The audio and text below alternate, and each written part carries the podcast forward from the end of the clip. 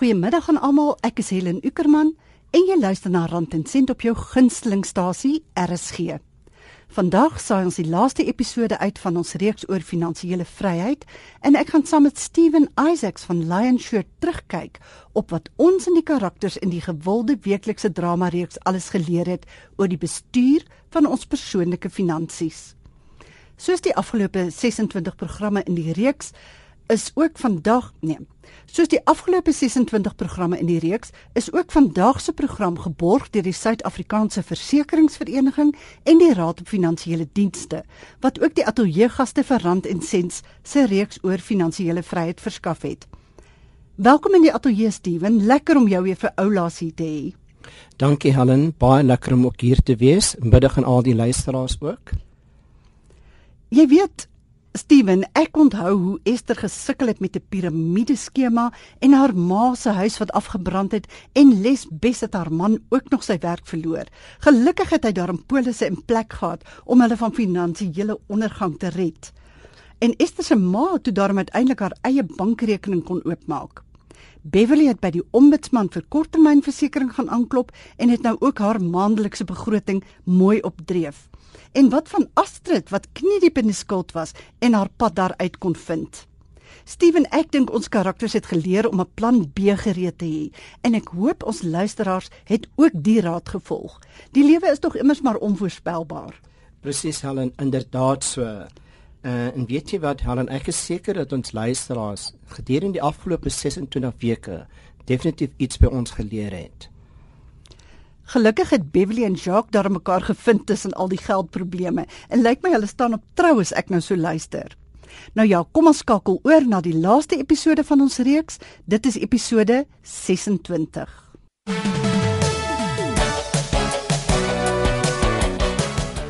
En nou episode 26 van Finansiële Vryheid.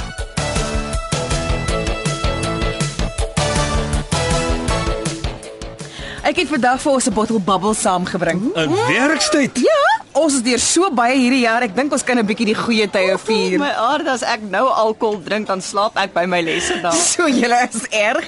Julle hoef nie te bekommer nie, dis alkoholvrye bubbles. Oh, dan gooi dan vir my 'n glasie. Ek het regtig baie om voor dankbaar te wees. Kyk het al die drama met my ma se huis en toe die piramide skema. En toe nog die ding met jou man wat sy werk verloor het. Jy het regtig 'n harde jaar gehad, Esther. Nou, presies.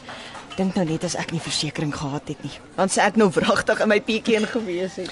Ja, ek dink een ding wat ons geleer het die jaar is dat dit help om 'n plan B te hê. Soos ek 'n plan B gehad het met die ombudsman op korttermynversekering Net so. En soos my ma nou 'n plan B het met haar huisversekering. en 'n plan A met haar bankrekening. En ek het ook nou 'n plan A in werking met my begroting wat Jacques vir my help opstel het. Dit is altyd belangrik om die plan A in plek te hê, naamlik jou begroting en jou geld reg te belê. Maar soos julle weet, is die lewe maar onvoorspelbaar. Mm, ja, wie sou nou kon raai dat ek en jy saam op sou eindig? Nee, ek nie. Ekskuus. Ek het nog altyd geweet Beverly is die vrou vir my. Ek is so bly want jy is net die man vir my. Ek kan 'n glasie daarop klink. Op die liefde. Liefde. Die liefde. Ek kyk ook nou na my man met nuwe oë. Julle weet ek het nie gedink hy sal my nog na 25 jaar kan verbaas nie. Vertel, vertel. Het hy jou 'n bietjie bederf? Nee, nee, nie op daardie manier nie. Die manier waarop hy sy afdanking hanteer het, hy hy het so positief gebly en nadat al die polisse uitbetaal het, is dat daar nou lig aan die einde van die tonnel en hy het sommer weer 'n huppel in sy stap. Oh, dit gee my soveel hoop as ek hoor dat mense saam met een mens na soveel jare nog gelukkig kan wees. Dit klink asof jy dalk trouplanne maak. Ag, ek sal nie omgee as Daniel my vra nie. Regtig? Jy kan my met 'n koue verslaan. Het soveel verander Astrid. Ek het 'n bietjie gewig verloor. Dankie, Jacques. Ek sou nog nie so sê nie en- dit is nog nie eintlik wat ek bedoel het hè. Sis Jacques. Ons Astrid lyk baie goed deesdae. Dis seker die nuwe liefde. Ek sal jou maar moet vergewe, Jacques, want jy is nou nie die oplettendste man wat ek al ooit teëgekom het nie. Julle twee sal ook nooit einde kry nie. Maar ek is nie skieurig om te hoor wat Jacques bedoel het. Wel, toe ek jou leer ken het, was jy knie diep in die skuld. Ja, met 'n baie duur rok en baie duur planne wat jy nie eers kon bekostig nie. Moenie vergeet van al die slim finansiële planne wat sy gehad Oh het ja, kredietkaart in elke kleur. nie. En dat sy al haar versekeringspaemente net elke tweede maand gaan betaal.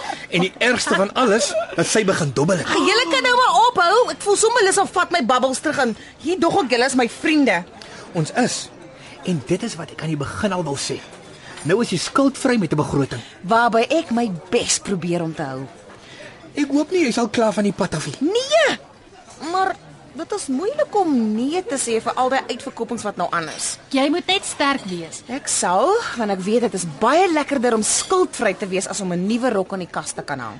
Net wat ek bedoel. Jy het so baie verander. Ek dink Daniel is ook goed vir my. En Jurg is ook goed vir my. Ag, ek is so lief vir my man. Dit voel of ons oor alles kan praat. Maar 'n mens moet oor goed praat. Kyk nou net hoeveel het ons almal geleer deur net met mekaar te praat oor wat in ons lewens aangaan. Mense het nie altyd die antwoorde nie. Dit is hoekom jy vra moet vra. Dis waar. Selfs ek wat gedink het ek weet alles van alles af. Jy het seker hard geval van daai high horse van jou af, nê? Nee? Nee, glad nie. Ek het net iets nuuts geleer en weet nog meer. Sterkte Beverly. Ek weet nie hoe jy gaan huisel met hierdie man nie. 'n Partykeer moet mens maar net ander pad kyk. Maar nie as dit kom by jou finansies nie. Of by jou versekering nie. Ek sal daar op 'n glasie klink. Ja. Gesondheid. En finansiële vryheid vir ons almal.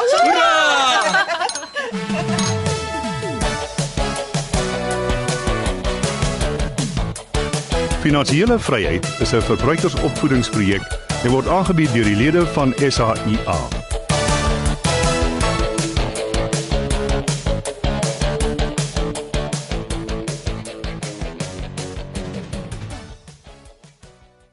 Jy luister na Rand en Sent op RSG 100 tot 104 FM en dit was dan die heel laaste episode in ons reeks oor finansiële vryheid hier op Rand en Sent. Wat sê jy Steven, sal ons bietjie dinge saamvat, die luisteraars se geheue vir oula so bietjie verfris? Ek dink dit sal goed wees.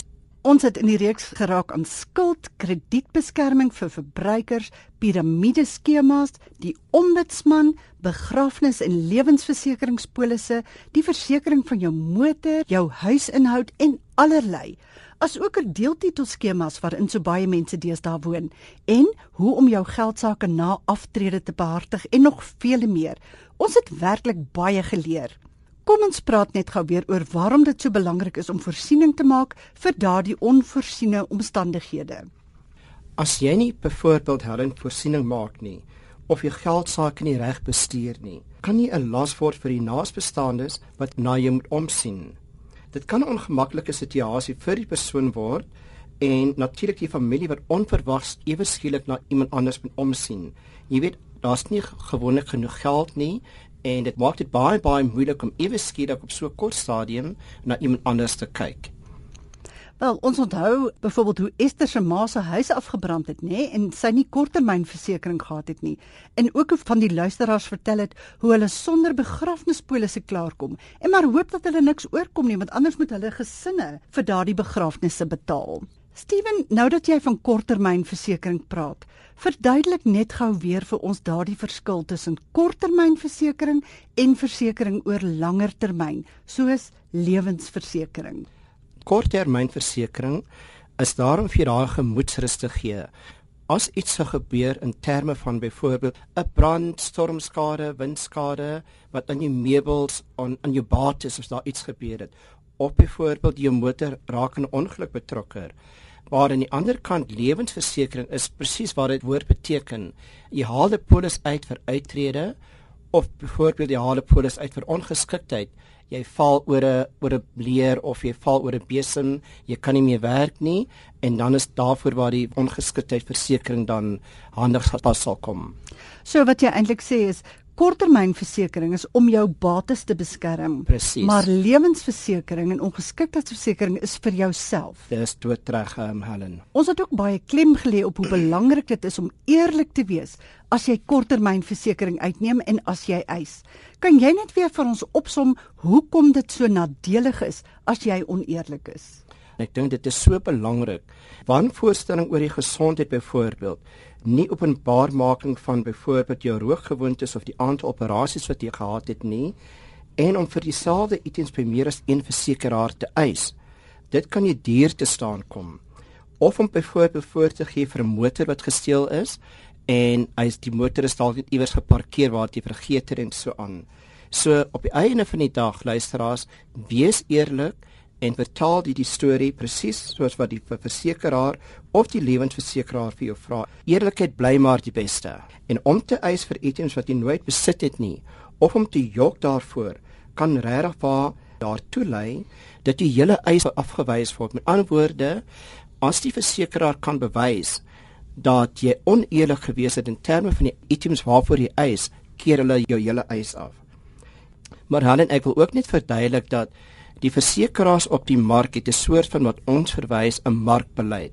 Met ander woorde, as 'n kliënt oneerlik gewees het en een versekeraar wys daai betrokke kliënt af, praat ons in die mark daaroor en dit kan beteken dat 'n kliënt nie weer eens versekerings gaan kry by 'n ander versekeraar nie. So dit is baie belangrik. Wees maar eerlik luisteraars. So jy bou amper 'n rekord op Precies, vir daardie oneerlike optrede. Yes.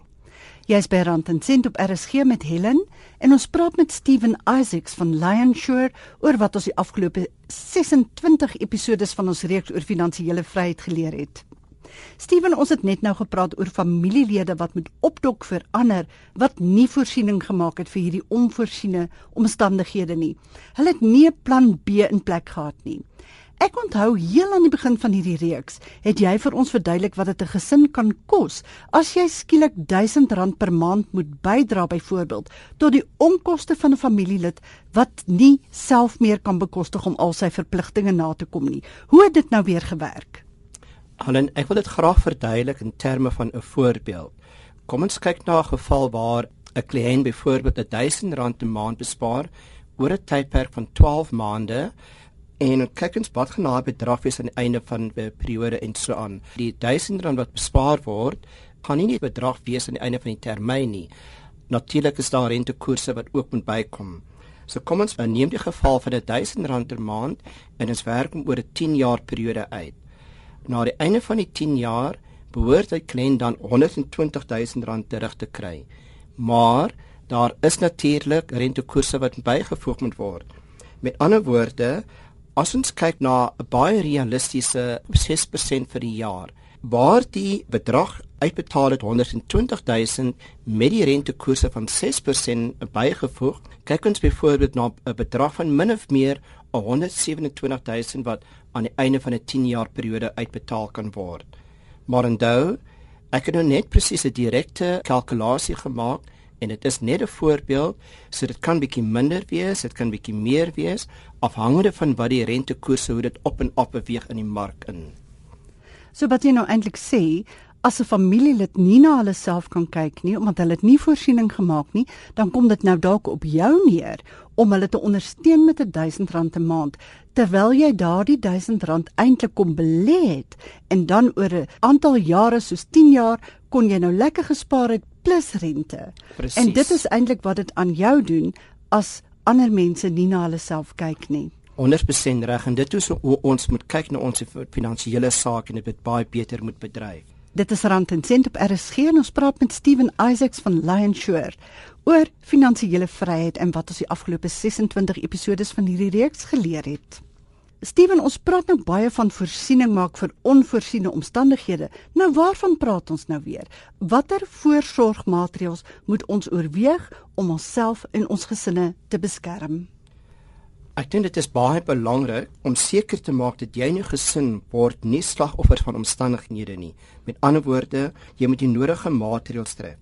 Kom ons kyk na korttermynversekeringspolisse. Maak altyd seker dat jy reg verseker is. En as jy byvoorbeeld nuwe TV's of meubels bykoop, skakel jy makelaar, laat weet jou makelaar dat jy nuwe items bygekoop het en dat jou bedrag sodoende aangepas moet word. En as jy nie byvoorbeeld jou maandelikse premie kan bekostig nie, weer eens praat met jou makelaar of as jy direk met jou maatskappy is, skakel met hulle. Dalk is daar ander maniere waar jy jou, jou versekerbedrag kan verminder of die maatskappy kan vir jou ander produkte aanbied waar jy dalk net die nodigste maar wel belangrikste versekerings kan hê. Die groot ding vir my ook Helen is dat weer eens dit kom terug na verantwoordelikheid toe. Waar jy kan spaar Spaar elke maand dit is so belangrik dat jy ten minste 10% van jou inkomste voor aftrekkings dit gaan in die bank en sit sodoende weet jy dat ten minste as daar wel iets gebeur jy hak bietjie vas einde van die maand toe so iets dan het jy ten minste geldjies in die bank waarvoor jy kan terugval en te sê, "Aha, ek kan nou daar ingaan." Maar tref vir sy voorsiening en spaar luisteraars elke maand. En dan is daai geld natuurlik nou nie bedoel vir daai nuwe rok of daai O. mooi skoene nie. 100% reg, Helen, presies, ja. Ja, jy moet dan weet daardie geld is 'n noodrekening vir noodgevalle en dit is hoekom jy dit gespaar het. Dan voel jy sommer beter en beskerm, né, nee, dat Wel, as dinge oor jou pad kom. Def, definitief, ja. En wat van skuld, Steven? Ek sien nou weer uh, in die, in die media hierdie week dat Suid-Afrikaners betaal glo gemiddeld amper 7 of 8 sent uit elke rand wat hulle verdien af aan skuld. Watter raad het jy vir hulle? Luisteraars, die enigste raad wat ek vir julle kan gee, skuld is nie 'n baie goeie ding nie. Ek weet die ekonomie is bietjie druk en so aan, maar probeer uit jou skuld uitkom so gou as moontlik. Jy sal 'n baie beter leefwyse kan hê as jy weet jy het nie skuld nie. En byvoorbeeld as jy nou weer die posman kom nou briewe aflewer, jy is bang om daai briewe oop te maak of jy skuld jy die winkels en so boodskap is probeer so vinnig as moontlik van daai skuldjies ontslaa raak. En die groot ding natuurlik is dat jy moet 'n plan maak waar jy ekstra geldjies het byvoorbeeld maak een rekening klaar vir alle rekeninge met die hoogste rentekoers. As jy byvoorbeeld daar 'n uh, addisionele R500 op daai rekening betaal, jy maak hom klaar. Die volgende keer as daai rekening klaar betaal is, vat jy daai R500 en sit dit by jou tweede rekening waar jy ook 'n bietjie hoër rentekoers betaal. En so luisteraar gaan jy aan vanaf jou eerste, jou tweede tot jou derde rekening. En voor jy uitvee, is al die rekeninge oorbetaal en kan jy agteroor sit en sê, "Wow, ek skuld niemand meer nie." Behalwe natuurlik as jy 'n verband het, dit kan jy nou nie onmiddellik afbetaal nie, maar byvoorbeeld soos jy huurkooprekeninge, jou motor, waar jy die nodige ekstra uh, geldjies het, spaar dit op betaalde rekening klaar sodat jy aan die einde van die dag 'n beter leefwyse kan hê. Nou laat ek nou gou kyk of ek jou nou reg verstaan hier Steven. Met ander woorde, ek het nou 'n klere rekening en ek betaal R500 'n maand op hom af. Maar ek het nog 200 randjies. Nou betaal ek R700 op hom af. En nou is hy vinniger afbetaal, né? Nou as hy klaar afbetaal, dan vat ek daardie R700 en voeg dit by my volgende rekening wat ek be afbetaal. En net maar die is ook R500 dan betaal ek nou R1200 af elke maand aan daardie rekening wat beteken ek gaan hom baie vinniger as normaalweg afbetaal. Elke bedrag wat jy afbetaal hou jy aan betaal op die volgende rekening tot jy skuldvry is. En dit is doodreg Tog Steven kan mens nie deesdae meer skuld maak sonder dat jy 'n goeie kredietrekord het. Jy kan nie 'n kar of 'n huis koop as hulle nie kan kyk of jy 'n gereelde betaler is. So dink jy dit is dan goed as mens daarom so een of twee rekenings hou wat jy maklik kan betaal en te sorg dat jy dit gereeld en sonder versuim betaal om daardie kredietrekord op te bou. baie van die die instansies wil eintlik nie meer vir jou krediet gee nie. Alhoewel jy sê maar ek het 'n skoon kredietrekord, kan hulle eintlik nie navraag doen nie. So dit dalk miskien belangrik dat jy een of twee rekeninge maar luisteraars hou daai rekening so min as moontlik. Dis net om te wys jy kan en jy sal dat jy 'n betroubare betaler is. Dis reg. Ja. En dan natuurlik ook moet mens liefs nou nie alles koop wat jy begeer nie, maar slegs wat jy nodig het. O ja, baie belangrik. Nou die- ek het 'n stukkie goeie raad gekry toe ek nog heel wat jonger was en dit is voor jy koop, gee jouself 24 uur om daaroor na te dink, want die kans is goed sê hulle dat na 24 uur is daai hele aankoopie nie meer vir jou so belangrik nie en dan wil jy dit dalk nie eers meer hê nie. Weet jy Helen, ek het nog nooit so daaraan gedink nie. So nou maak jy my oë ook oop. En is presies uh, soos wat jy sê.